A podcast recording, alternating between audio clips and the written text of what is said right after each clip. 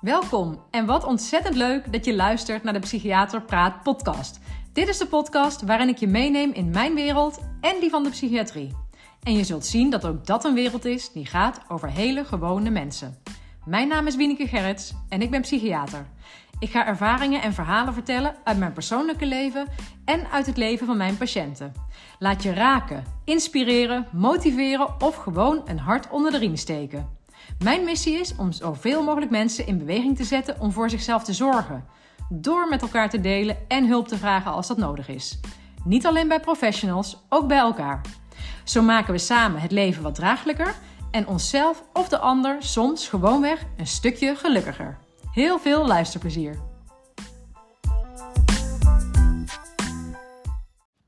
Hey, goedemiddag. Welkom weer bij mijn podcast en leuk dat je weer luistert.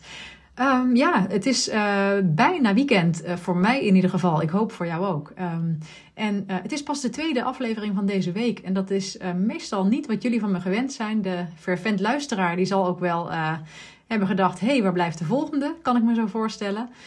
Um, het is ook niet helemaal gepland geweest. Eigenlijk heeft het meer te maken misschien wel met een slechte planning van mijn kant. Ja, eerste week na de herfstvakantie uh, volgepland met allerlei werkdingen en afspraken. En ja, gisteren bijvoorbeeld ook naar Utrecht geweest, waardoor ik een groot deel van de dag kwijt was. Dus zo vulde de week zich heel snel en had ik weinig tijd uh, voor het opnemen van een aflevering.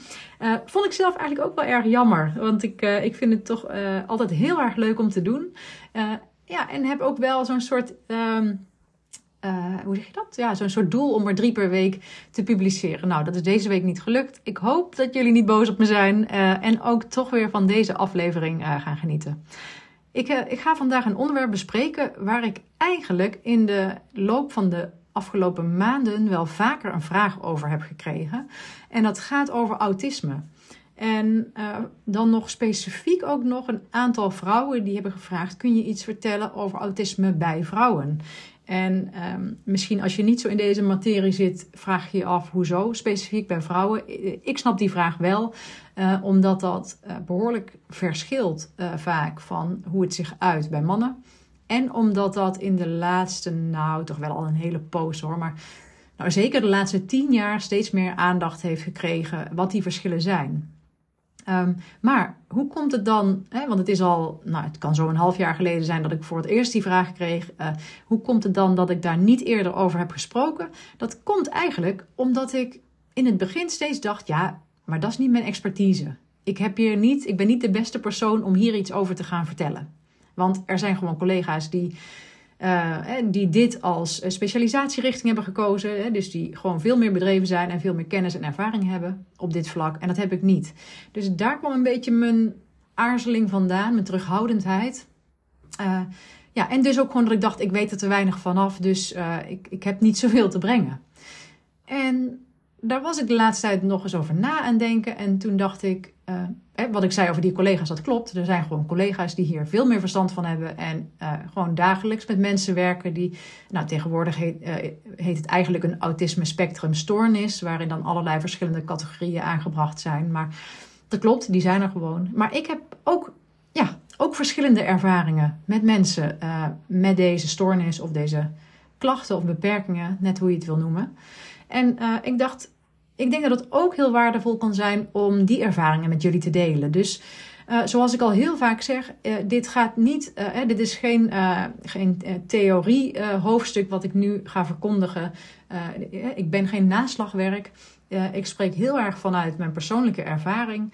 En um, uh, ik ga niet alle definities de hele tijd benoemen en dergelijke. Want daarvan denk ik echt, ja, daar kun je ook gewoon, nou zeker ChatGPT tegenwoordig ook voor gebruiken. Maar uh, Google maar uh, criteria autisme, dan vind je ze ook. Um, dus het wordt geen theoretisch verhaal, maar een ervaringsverhaal. En ik begin eigenlijk bij een punt um, vroeg in mijn opleiding tot psychiater. Dus ik was dat toen nog niet. werkte ik op een klinische afdeling een afdeling uh, voor mensen. Het heette de afdeling neuropsychiatrie. Um, dat had er eigenlijk mee te maken dat er mensen werden opgenomen. Uh, die vaak al een behoorlijke geschiedenis hadden binnen de GGZ. En vaak ook al klinisch. Hè. Klinisch wil zeggen dag- en nachtverblijf, dus opname.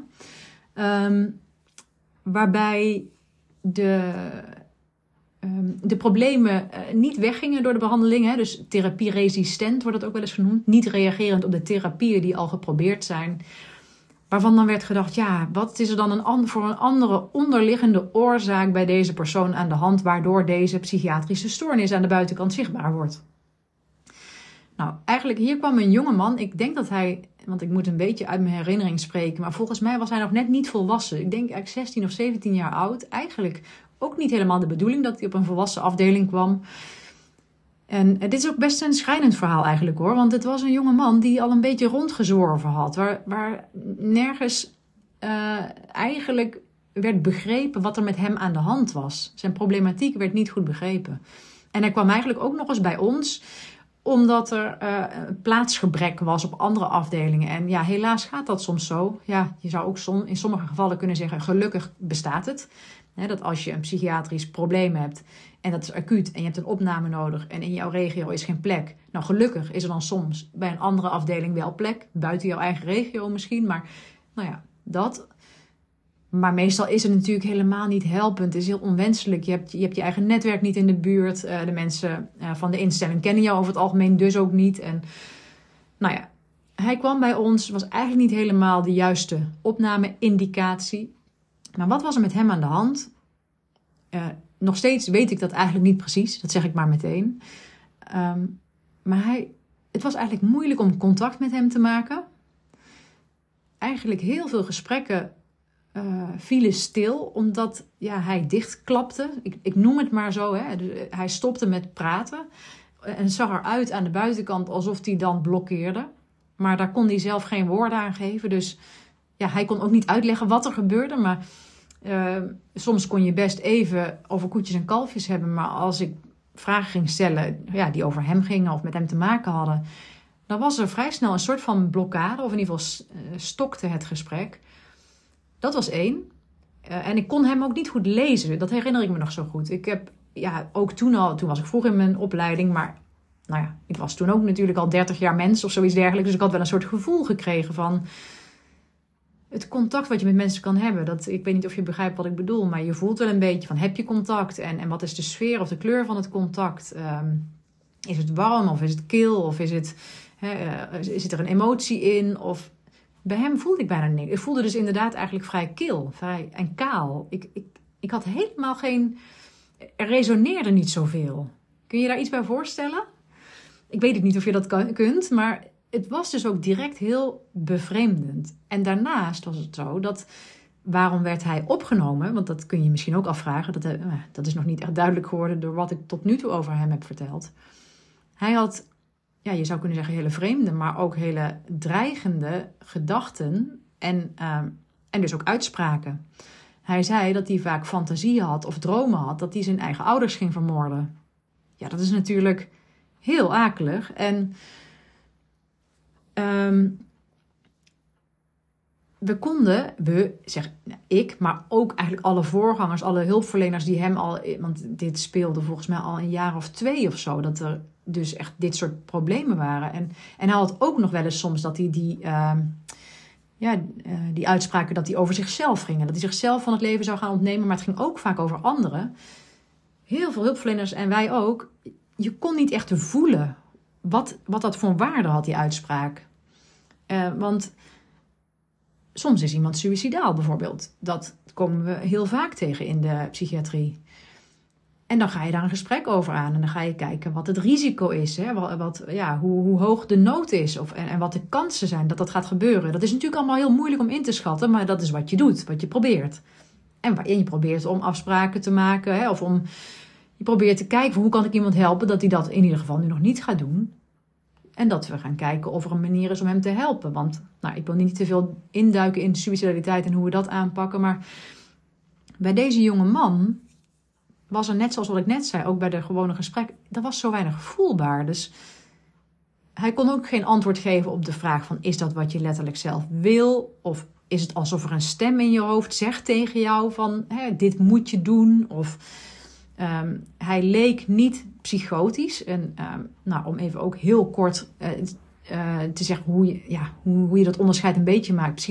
Als je psychotisch bent en je, je hebt psychotische wanen, dus overtuiging of gedachten, dan, uh, dat noemen wij vaak zo, op het moment dat iemand zijn, zijn overtuiging, zijn gedachtegang, de realiteitstoetsing mist. Als het niet klopt met de realiteit. Dus bij hem hebben we ook gekeken van, ja, is hij nou helemaal uh, voor reden vatbaar? Hè? Is dit zijn, zijn dit zijn eigen gedachten? Of is er een soort van, ja, losgezongen zijn van de realiteit en zijn dit waanachtige ideeën? Maar het lukte gewoon niet om daar de vinger op te leggen. Wij bleven eigenlijk, ook omdat er dus sowieso heel weinig tekst uit hem kwam. Hè, het was heel moeilijk een gesprek op gang te krijgen. Wij kregen weinig informatie over hem. En bij hem weet ik nog dat ik dacht van... Ik had ook al redelijk wat mensen gezien in de psychiatrie. En ook veel depressieve mensen, psychotische mensen, angstige mensen. Ik dacht, dit, dit voelt anders. En toen ben ik op een gegeven moment naar een psychiater gegaan, die, uh, een kinder- en jeugdpsychiater um, van een team ontwikkelingsstoornissen ontwikkelingsstoornissen is een overkoepelende naam waar onder andere autisme spectrumstoornis onder valt. En heb ik gezegd, heb ik dit verhaal voorgelegd en gezegd, zou het kunnen zijn dat hij in die hoek, dat daar misschien een probleem zit. Nou, dit verhaal was natuurlijk en beperkt en ook toch ook uitzonderlijk. Dus hij zei wel van, nou ja, dat, dat kan ik niet, zeg maar, uh, hier meteen uh, uit concluderen dat dat aan de hand is. En om ook maar meteen weer een inkijkje te geven over hoe de dingen soms gaan, hoe vervelend ook. Deze psychiater met wie ik sprak, had ik graag een keer meegenomen om deze jongen te spreken, zodat hij zelf een indruk kon krijgen. Want hij had natuurlijk meer ervaring met uh, jongeren met autisme, dus zou sneller patroonherkenning kunnen uh, plaatsvinden, zeg maar. Dus dat op een gegeven moment ga je niet alleen maar heel bewust zien van, oh, er is dit symptoom en dat symptoom en dat past bij deze, dit ziektebeeld. Nee, op een gegeven moment ga je dat patroon herkennen. Dan, dan, dan krijg je daar dus een soort uh, voor. Maar deze psychiater ging de volgende dag op vakantie, dus dat kon niet. En, natuurlijk had ik dan kunnen denken: oké, dan doen we dat na zijn vakantie. Maar toen was ondertussen deze jonge man alweer overgeplaatst naar zijn eigen regio. Zo kan het dus gaan. En dit zit echt diagnostiek in de weg. Dus dit is echt een manco eigenlijk. Ik heb daar niet meteen een antwoord op. Maar dus um, omdat wij eigenlijk niet de afdeling waren waar wij hem per se verder konden helpen. Als het aan mij had gelegen, zouden we verder psychologische diagnostiek hebben gedaan. Hè, ook, ook, met instrumenten, dus gestandaardiseerd. En zou ik echt hem hebben willen laten onderzoeken, op, bijvoorbeeld op ASS, autisme spectrumstoornis, uh, onder andere. Um, maar omdat dat niet specifiek bij onze afdeling hoefde, ging hij op het moment dat er plek was terug naar zijn uh, eigen regio, waar ook een klinische opnameafdeling was en waar hij naartoe is gegaan. En ik heb nooit meer iets gehoord. Dus dit is misschien ook voor jou als luisteraar niet bevredigend. In de zin van, ik weet niet of er dus sprake was van autisme, maar ik kreeg toen al heel sterk dat gevoel dat dat zo was. Later in mijn loopbaan ben ik als psychiater teruggekeerd, of ben ik bij de instelling komen te werken, waar hij destijds uh, naartoe was teruggeplaatst, omdat het zijn regio was. En hebben mijn vingers echt, uh, hoe zeg je dat? Uh, gebrand? Nee, dat zeg ik niet zo. Maar ik wou zeggen, echt mijn handen jeukten om in de computer zijn naam in te typen om te kijken wat er jaren later misschien duidelijk was geworden. Maar dat mag niet. Want ik had geen behandelrelatie met hem. Dus ja, ik zou er echt zeg maar, op mijn vingers getikt kunnen worden als ik zomaar in iemand zijn dossier ging kijken.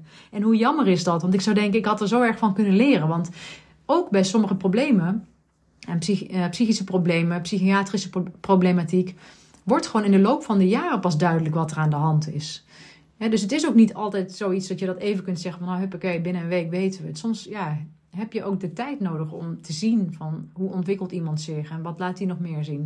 Ik vind het heel jammer dat ik dat bij, deze persoon niet weet. Um, en ik had er veel van kunnen leren. Dit is één ding wat ik wilde bespreken, omdat ik wel zelf nog steeds echt denk van volgens mij zat het in deze hoek. Ik ga nu naar een ander voorbeeld, of dat is eigenlijk een, meer een, een groepje ik, ga het even samenvatten, maar ik heb meerdere van dit soort mensen gezien. Ik heb op een bepaald moment als psychiater gewerkt, uh, heb ik al vaker over gesproken, op een afdeling, uh, dat heette klinische psychotherapie. Daar kwamen mensen, kwamen mensen uh, met een ernstige persoonlijkheidsstoornis, mensen die vast waren gelopen in het leven, gewoon omdat ze ofwel gewoon niet goed met zichzelf wisten om te gaan, hè, bijvoorbeeld met een heel slecht zelfbeeld, heel negatieve kijk op zichzelf, of omdat ze echt vastliepen in het contact met anderen steeds. Uh, of dat ze gewoon hun emoties helemaal niet konden hanteren. En dat, kort de bocht gezegd, uh, ja, dit, dit type mensen kwamen bij ons. Zij kwamen daar klinisch over het algemeen, hè, dus met een overnachting, aantal dagen per week. En bij de behandeling leunde grotendeels op de psychotherapeutische aanpak, dus de gesprekstherapie. Daar heb ik meermaals meegemaakt. Er was een tijd, dan was die behandeling daar standaard negen of zeven maanden lang. Dat was gewoon een vast programma. En bij sommige mensen zag je uh, bijvoorbeeld wel dat de behandeling effectief was, dat er een bepaalde groei uh, uh, ontstond, of dat er bepaalde symptomen of klachten afnamen, dat er een andere balans kwam bij iemand. En dat het op een bepaald punt stagneerde. Dus dat, ook al was je nog niet bij het eind van die behandeling, dat je zag, maar er komt geen verandering meer. Dat is natuurlijk altijd, sowieso waren er regelmatig evaluaties van de behandeling. Want helemaal aan het begin stel je doelen op. Wat wil je eigenlijk bereiken met deze behandeling? En dat evalueer je tussendoor. Uh, maar zeker ook wanneer een behandeling stagneert, was dat soms ook reden om nog eens een keer een extra evaluatie in te plannen. Want dan wil je kijken van ja, wat is er aan de hand? Waarom draagt deze behandeling op dit moment niet bij aan een toename van herstel of een verlichting van je klachten of een, een verbetering van je stemming? En dat, dat kan allerlei redenen hebben. Het kan zijn dat we, de, dat we een behandeling aanbieden die, die niet past bij de klachten op de persoon. Of het kan zijn dat de persoon zelf zijn vertrouwen of geloof in de behandeling kwijt is. En misschien daardoor ook niet gemotiveerd is. En daardoor zich niet echt inzet. Het, het kan van alles zijn. Maar wat ook wel eens kan zijn, is dat je met de behandeling die je beoogt de persoon overvraagt. Of nou, iets vraagt wat hij misschien niet in huis heeft. Soms kwamen we tegen dat we eigenlijk merkten dat iemand op intellectueel niveau of op intelligentieniveau overvraagd werd. Uh, en dat wisten we dan soms pas nadat je dan ook dat ging onderzoeken. Omdat je op een gegeven moment vermoedens kreeg van... hé, hey, maar snapt iemand eigenlijk wel waar al deze gesprekken de hele tijd over gaan? En dat gaat dus meer over... Nou, dat ging dan meer over intelligentie. Uh, en er kwam soms uit dat iemand behoorlijk zwak hè, of matig begaafd was. En dat dat misschien wel maakt dat gewoon ook uh, het niveau van het taalgebruik soms voor die persoon niet goed te volgen was. dus dat kon ook een, een, een uh, factor zijn die bepaalt dat iemand niet goed profiteert van een behandeling. Maar ook als er sprake is van een autisme-spectrumstoornis. Dat kan ook. Uh, want dan ga ik nu wel even iets meer zeggen over ja, wat is een autisme-spectrumstoornis dan? Nou, dat kan zich op heel veel verschillende manieren uiten. Maar wat in ieder geval eigenlijk een rode draad is, is dat er ja, blijvend, dus redelijk permanent aanwezig. Een, uh, ja, vind zo'n lelijke woorden die ik nou wel kies, maar gebrek wou ik zeggen. Maar ja, een, een deficiëntie wordt officieel gezegd van in eigenlijk sociale communicatie uh, en sociale interactie. Dus er is iets wat deze mensen niet hebben of niet kunnen uh, in het sociale verkeer. En in allerlei contexten, dus zowel uh, gewoon in vriendschappen, in werkrelaties, in families. Maar en maakt het niet uit waar. Maar er is als het ware een probleem in het sociale verkeer. En um, dat gaat zozeer, zowel over uh, communicatie, hè? en dat bestaat dan weer uit verbaal of non-verbaal, maar ook uit sociaal gedrag. En vaak, uh, nu, nu gebruik ik even mijn eigen woorden, maar het is alsof er een beetje een kompas soms ontbreekt of een, uh, of een begrip van wat, uh, of wel wat er verwacht wordt in sociale situaties. En mensen zijn daar eigenlijk minder ja, vaardig in. En um, dat kan dus ook gaan over ofwel de sociale wederkerigheid, hè, het uitwisselen onderling, maar ook het, bijvoorbeeld het, het begrijpen van gezichtsuitdrukkingen, dus ook het non-verbale communicatieve aspect, um, maar ook um, beperkingen bijvoorbeeld in het aangaan of het um, het bestendigen of onderhouden van relaties, welke relatie dan ook, hè, maar gewoon hoe, hoe, onderhoud, hoe maak je een relatie en hoe onderhoud je die, dat daar vaardigheden ontbreken. Of de, en het is niet zwart-wit, hè, dat is dus eigenlijk een, een um, het is een spectrum. Hè. Je, kunt, ja, je kunt op die schaal zeg maar heel erg beperkt zijn of een beetje beperkt zijn. Dat, dat verschilt van persoon tot persoon. En daarnaast, dus behalve de beperkingen op het sociale domein, uh, moet er ook iets zijn van um, typisch of uh, ja, bepaalde patronen in, een, in iemands gedrag of zijn interesses uh, of zijn activiteiten. Dus soms zie je dat heel duidelijk. Hè? Ik denk, de meeste mensen hebben wel, denk ik tenminste, de meeste mensen, een bepaald beeld bij wat een soort van klassiek autistisch persoon is. Hè? Dan, dan zie je dat mensen heel vaak aan een man denken een man die wat onhandig is in contact of zo, of eigenlijk bijna geen contact maakt, moeilijk oogcontact heeft, of niet een makkelijk een praatje maakt en bijvoorbeeld een, een vreemde hobby heeft, tussen aanhalingstekens dan. Hè?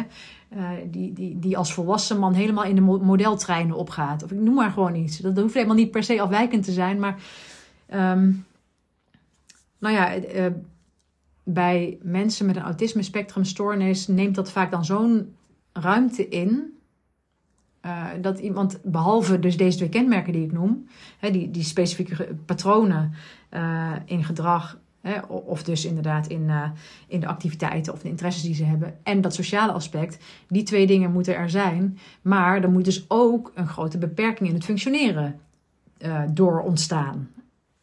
Hè, want dat, dat, dat zeggen we eigenlijk altijd. Er is pas sprake van een stoornis als je ook ja, als je verstoord raakt in je functioneren. En wat is het functioneren dan? Ja, dat is het beroepsmatig functioneren als je volwassene bent en je moet je eigen geld verdienen. Maar dat is ook het sociale functioneren, bijvoorbeeld in een partnerrelatie of met je kinderen of, uh, of in vriendschappen. Uh, dus dat, um, dat kan van alles zijn. En we zien vaak best wel een soort klassiek beeld. Zien we vaak een man voor ons. Um, maar bij vrouwen komt het eigenlijk ook heel veel voor en dat wordt minder goed herkend. En hoe komt dat nou? De, daar is veel onderzoek naar gedaan, dus zeker de laatste tien jaar of misschien wel twintig jaar. En um, er wordt eigenlijk gezien dat vrouwen heel vaak veel meer in staat zijn of, of moeite doen. Ja, in ieder geval laten zien dat ze die sociale vaardigheden compenseren. Uh, dus dat ze veel meer kijken van, oh maar, en dat ze, dat ze dat wel beter kunnen ook dan mannen. Dus dat ze veel vaker gewoon, dat het niet zo zichtbaar wordt aan de buitenkant. Terwijl aan de binnenkant die beperkingen wel zitten. Dus dan lijkt het alsof iemand bijvoorbeeld heel sociaal is, terwijl van binnen die persoon misschien eigenlijk helemaal niet snapt eigenlijk wat er allemaal sociaal gezien gebeurt.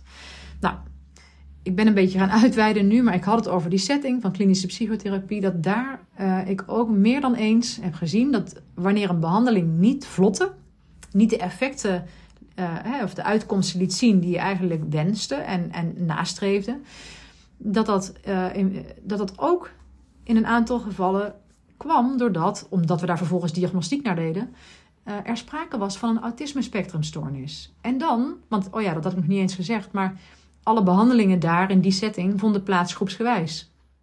Dus met negen personen in een kring en twee therapeuten erbij. En dan kan het. Het is niet per definitie een exclusiecriterium. Het is niet zo dat als je een autisme-spectrumstoornis hebt, dat, dan mag je niet in groepstherapie. Zo werkt het niet. Maar als je problemen hebt, bijvoorbeeld met het lezen van, uh, uh, van gezichtsuitdrukkingen en, en, en, en überhaupt lichaamstaal.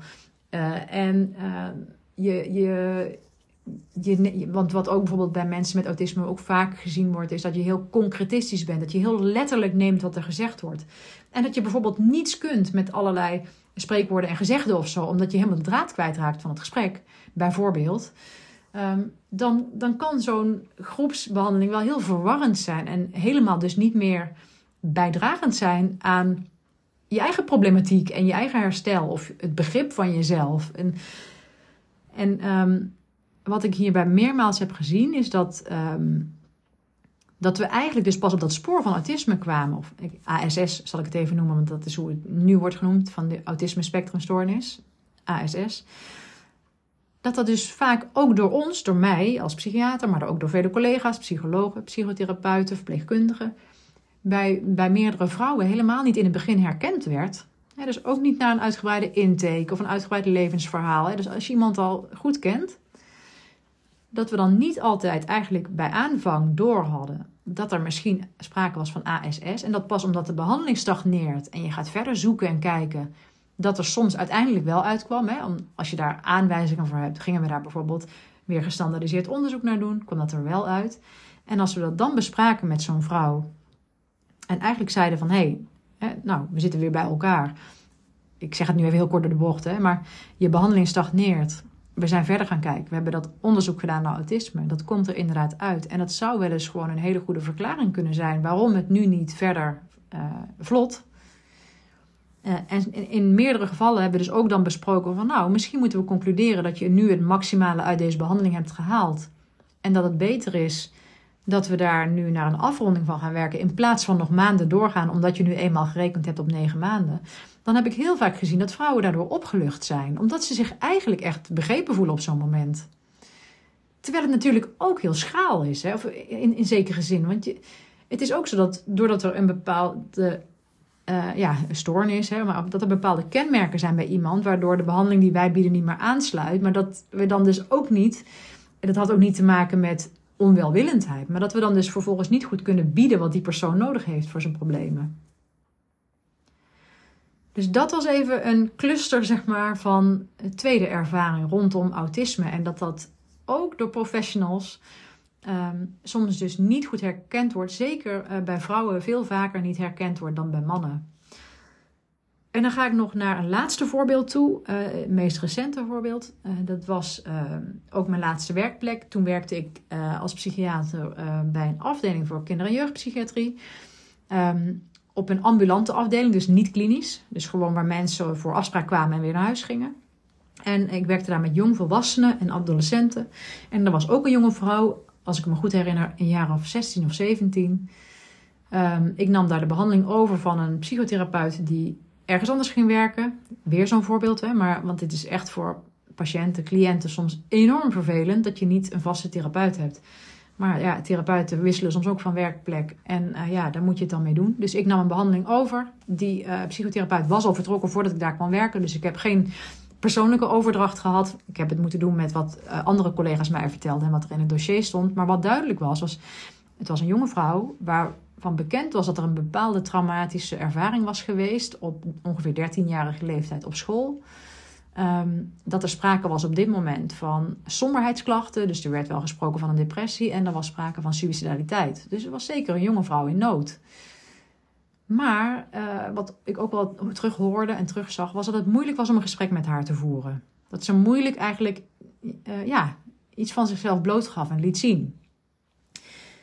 En dat merkte ik ook vrij in, bij de eerste uh, contacten met haar. Dat ik, het was niet een, makkelijk gesprek. Ja, ze vertelde niet makkelijk. En ik, overigens stond hier nergens in het dossier iets over autisme of ASS. Maar gewoon al heel snel dacht ik, dit voelt anders. En, want ik had inmiddels natuurlijk al behoorlijk veel ervaring met veel mensen die bijvoorbeeld moeilijk een gesprek kunnen voeren. op basis van, um, van, van emoties heb ik heel veel gezien. Dat mensen gewoon heel moeilijk uit hun woorden komen doordat ze overmand worden door emoties. Of dan heel erg naar binnen slaan of dat soort dingen. Eh, bijvoorbeeld bij trauma zie je dat vaak als je dan daarover gaat praten. Dat mensen inderdaad heel erg in één keer kunnen dichtslaan.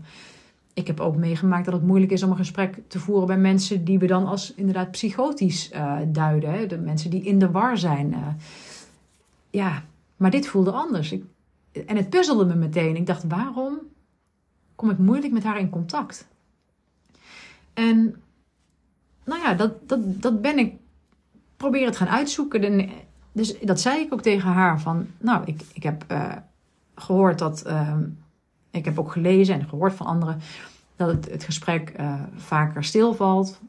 Dat het eigenlijk moeilijker is om te vertellen over wat je bezighoudt. Heb je daar zelf een idee over? Nou, bleef eerst een beetje stil.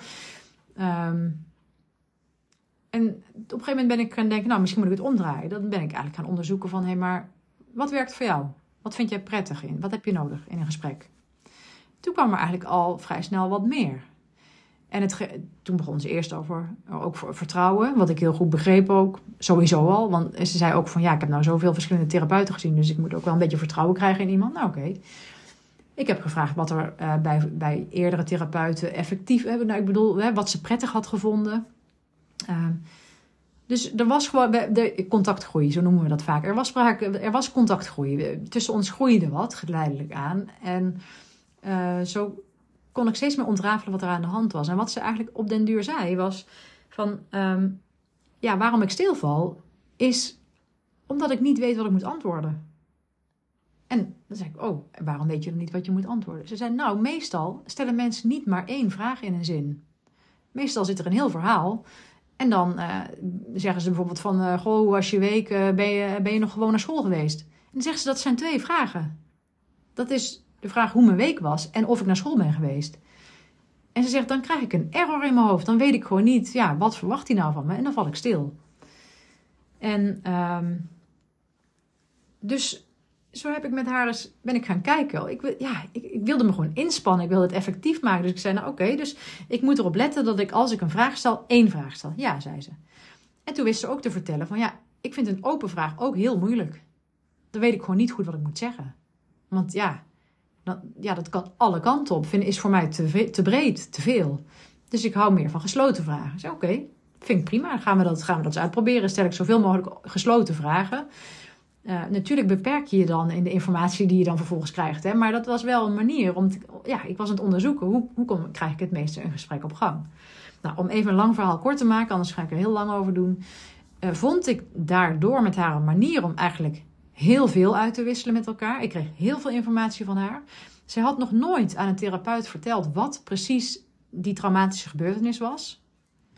Er was wel ergens duidelijk geworden dat dat iets te maken had met een seksuele ervaring. Uh, maar ze had nog nooit haar verhaal kunnen doen aan een therapeut. En uh, doordat ik gewoon echt letterlijk gesloten vragen begon te stellen. En dus een, een, ja, het was gewoon een zoektocht, zeg maar. Soms dan vroeg ik iets en dan, dan zei ze nee. dacht ik, oh, dan moet ik een andere kant op. Zo kwam ik uiteindelijk uh, zover dat ik wist wat er gebeurd was. En ik bedoel, daar draaide het natuurlijk niet om. Alhoewel het voor mij wel van belang was om te snappen nou, wat er gebeurd was. En natuurlijk vervolgens wat dat voor een betekenis voor haar had. En wat zij daarbij had ervaren. En wat, ja, dus ze was natuurlijk heel angstig geweest. En, maar wat er dus ook bleek was, zij was destijds op school, werd zij niet geloofd uh, dat er iets gebeurd was. En ze had wel iets proberen te vertellen de eerste keer aan een decaan of zo, ik weet niet meer precies. Maar die had haar niet geloofd. En door die ervaring heeft ze het daarna ook niet meer verder durven vertellen.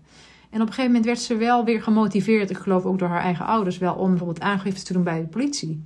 Maar ook bij het politiebureau stelde, zei, daar zei ze ook van ja, daar uiteindelijk uh, is er geen uh, verklaring opgenomen omdat ik niet aan mijn woorden kwam. En waarom kwam ik niet aan mijn woorden? Omdat ze meerdere vragen in één stelden. En ik sloeg dicht. En omdat ik dicht sloeg, zeiden ze van, is het wel echt gebeurd? Of, of zit je hier nou en, en, en eh, kom, bedenk je eigenlijk dat het een vergissing was? Is het eigenlijk helemaal niet gebeurd? En sla, ze werd helemaal verkeerd gelezen. Natuurlijk weet ik, bedoel, ik doe niet aan waarheidsvindingen. Ik weet natuurlijk ook, eigenlijk zou je kunnen zeggen, tot op de dag van vandaag niet of het waar was wat ze vertelde. Maar dat, daar, ja, daar ging het mij ook niet om. Hè? Ik sluit altijd aan bij de beleving en de realiteit van de persoon. Um, dus ja, dat, dat zeg ik er maar even bij. Maar ik ga ervan uit dat wat ze me heeft verteld, dat dat kloppend is. Maar zij kon eigenlijk heel mooi vertellen dat gewoon door hoe ze zich geen houding wist te geven. En omdat ze al een keer niet geloofd was op school. En omdat er een gesprek plaatsvond waar zij zich dus geen raad mee wist. En daardoor eigenlijk werd weggezet als van ja, je hebt gelogen of je stelt je aan of uh, we geloven je niet. Uh, we gaan deze verklaring niet, uh, hier kunnen we niks mee. Daardoor is er nooit aangifte gekomen. Nou, je kunt je denk ik voorstellen dat als het in ieder geval ook allemaal waar is, maar los daarvan, hoe beschadigend dit voor haar is geweest. Dat ze gewoon als jonge vrouw, want ze had dus een nare seksuele ervaring waar er tegen haar zin in seks heeft plaatsgevonden. Dus dat was voor haar heel naar. Maar dat je dan vervolgens ook nog eens die nare ervaringen daarna krijgt, hè, van niet geloofd worden en eigenlijk een soort van weggezet worden nou, ik snap het. Ja, tenminste, op een gegeven moment ik begon te begrijpen en te voelen waarom zij somber werd en suicidaal. En het überhaupt ook nog eens dat, die naar, dat dat trauma gebeurde, want dat was dus in mijn ogen wel echt een trauma wat, wat er had plaatsgevonden. Dat kwam ook omdat zij zich niet had weten te verweren, niet goed had weten uit te drukken tegen een jongen, was het in dit geval, waarmee dat gebeurde. In ieder geval, dat, dat zei zij zelf dat dat zo was.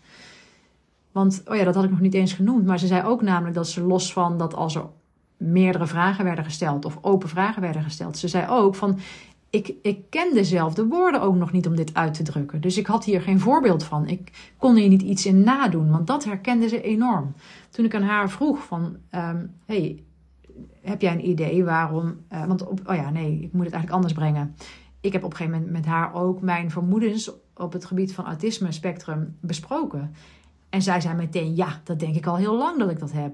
oh, vertel eens. Ze zei, nou ja, ik heb daar ook dingen over opgezocht. En ik herken me in heel, heel veel beschrijvingen. En uh, ze zei ook, van wat ik bijvoorbeeld heb gedaan. Ik ben gewoon naar, naar uh, klasgenootjes gaan kijken, meisjes. Hoe zij, uh, ja, achteraf gezegd hè.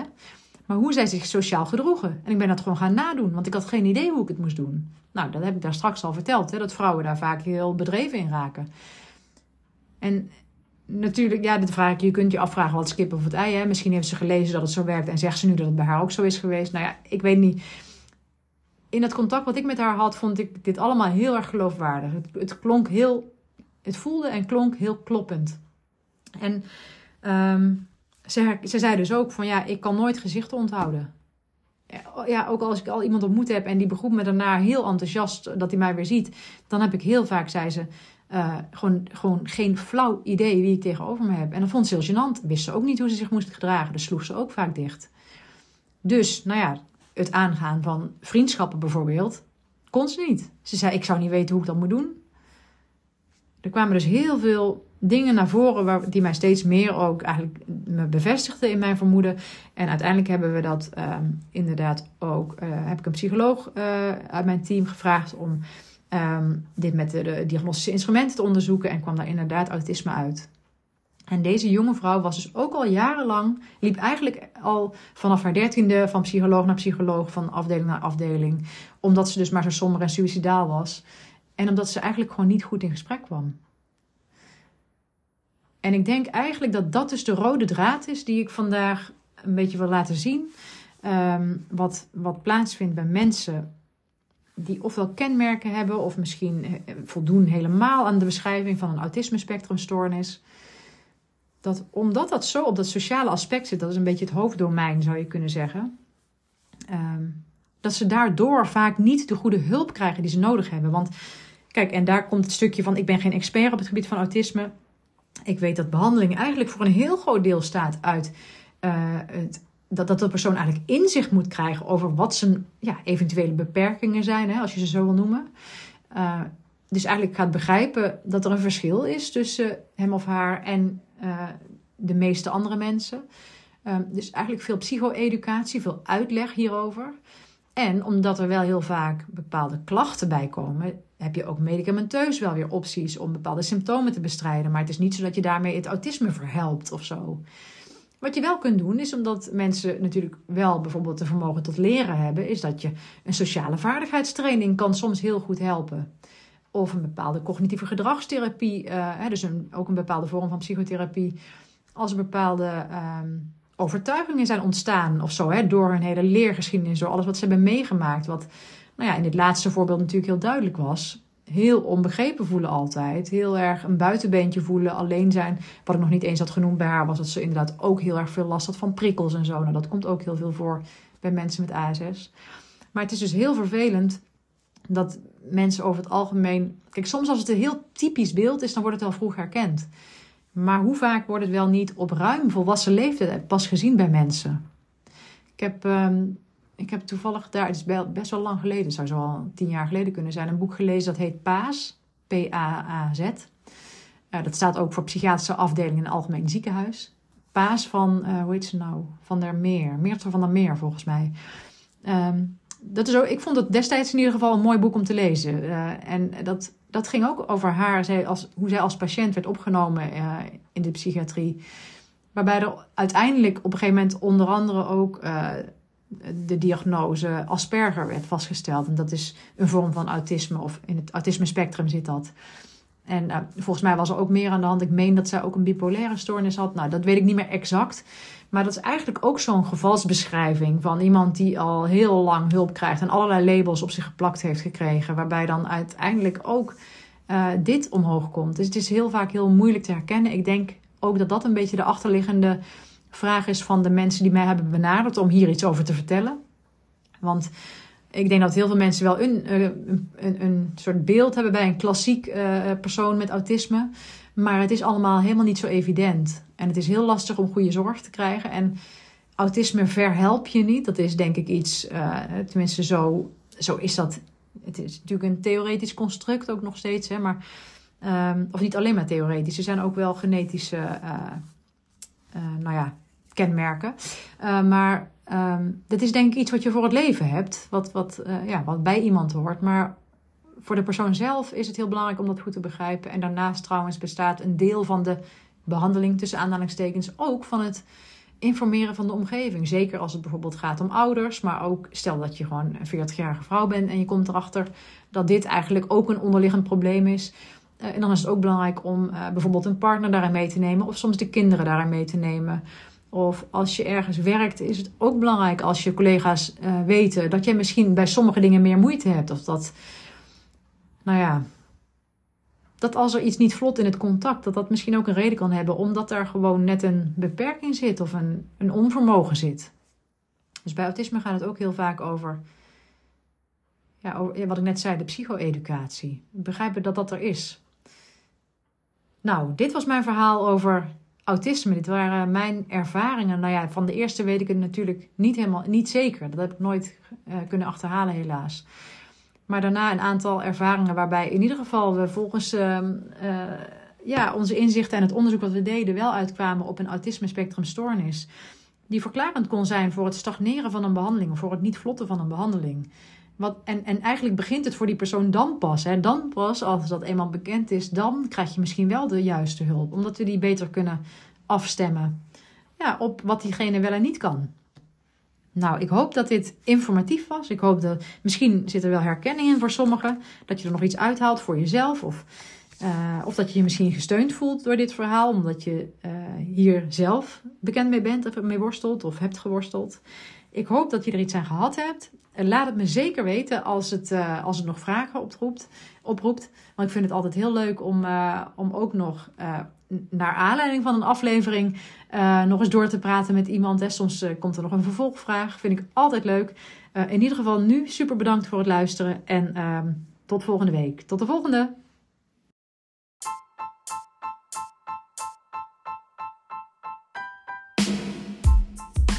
Ha, ik vind het echt super leuk dat je mijn aflevering beluisterd hebt. En nogmaals, heel erg bedankt daarvoor. Hopelijk heeft het je ook aangesproken. En wil je me dat laten weten? Dat kan via mail naar info.wienekegerrits.nl, een bericht via Instagram, waar ik te vinden ben onder Wieneke underscore Gerrits, of op LinkedIn onder mijn eigen naam. Ik vind het heel leuk om ook jou beter te leren kennen en te weten wie er luistert. Jij kunt ook anderen inspireren door mij te taggen, bijvoorbeeld in je stories of je feed op Instagram. En wat jij van mij kunt doen, is in jouw podcast-app waar je deze beluistert, een review achterlaten. Bijvoorbeeld een aantal sterren. Wil je dat doen? Zo kom ik erachter of en hoe mijn podcast gewaardeerd wordt en wordt hij beter vindbaar voor anderen. Overigens kun je je ook abonneren op deze podcast in je app. Hoe dat per app werkt, weet ik niet precies, maar vaak is er een knop subscribe, abonneren of volgen en dan krijg je automatisch een berichtje of in je app te zien als ik een nieuwe aflevering heb geplaatst. Maar nogmaals, super, super, super dank en tot de volgende!